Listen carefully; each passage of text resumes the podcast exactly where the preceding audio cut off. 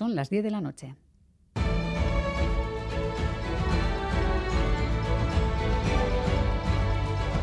Radio Euskadi y Radio Vitoria. Servicios informativos.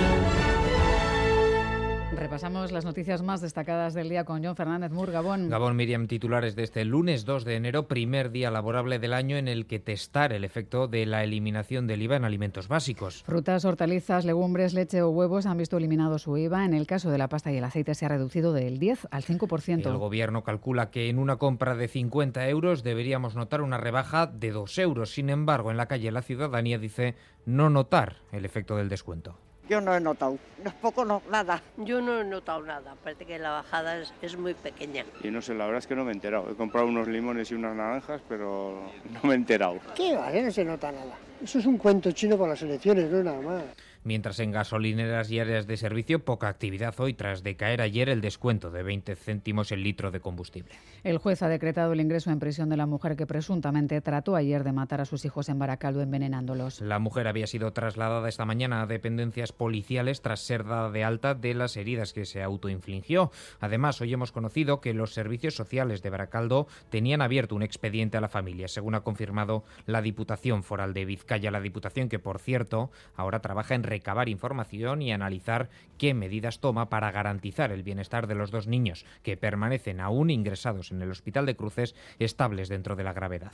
Una sentencia del Tribunal Superior de Justicia del País Vasco dicta que no se puede imponer a los trabajadores de una empresa subcontratada las mismas exigencias que a los empleados públicos. Exacto, la sentencia da la razón a comisiones obreras frente al Ayuntamiento de Baracaldo que pretendía establecer la obligatoriedad de los perfiles 2 y 3 de euskera como requisito para la subrogación de trabajadores. El sindicato hace una valoración positiva, mientras desde Euskal Ginzaren Concheyua se muestran muy preocupados. Consideran que aunque se trate de una empresa privada, está ofreciendo un servicio público. Idurre Esquisabel, secretaria general de Concheyua, hablaba aquí en Gambara de ofensiva judicial contra los derechos lingüísticos. Nos confirma la sospecha ¿no? que venimos eh, trayendo y es que nos encontramos eh, ante, ante una gran ofensiva desde el ámbito judicial, desde el Poder eh, Judicial, eh, que viene repitiendo sentencias pues en contra de la legislación en pro de la normalización y de la revitalización.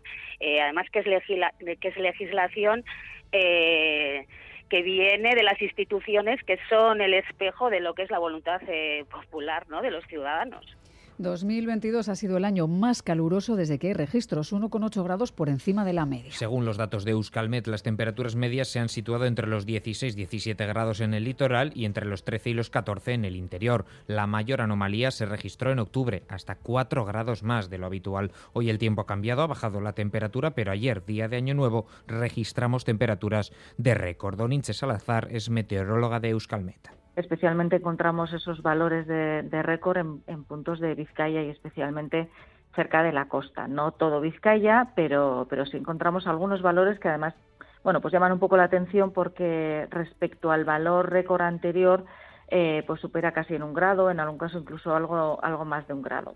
Miles de católicos se despiden desde hoy del Papa emérito Benedicto XVI. 65.000 fieles, según la Santa Sede, han pasado hoy por la Basílica de San Pedro en el primer día de la capilla ardiente del Papa emérito, una cifra muy superior a la prevista inicialmente. Mañana y pasado también se podrán visitar los restos mortales de Ratzinger, el primer pontífice en renunciar al papado en los últimos seis siglos. El funeral será el jueves día 5. Y mientras Brasil se despide de Pelé. Miles de brasileños desfilan por delante del féretro de uno de los mejores futbolistas de la historia en la capilla ardiente instalada en el Estadio del Santos, club en el que O'Reilly militó la inmensa mayor parte de su carrera deportiva, entre quienes han acudido el presidente de la FIFA, Gianni Infantino, que ha pedido a todos los países del mundo que nombren un estadio en honor a Pelé. Claro que como FIFA vamos a homenajear a, a vamos a pedir a, a todas las federaciones en el mundo entero, 211 países, que nombran un estadio en cada país del mundo con el nombre, con el nombre de, de, de, Pelé. El funeral de Pelé se celebrará mañana martes. Es todo, así terminamos. Más noticias en una hora y en todo momento en itv.eus y en la aplicación ITV Albisteac. Gerbarte.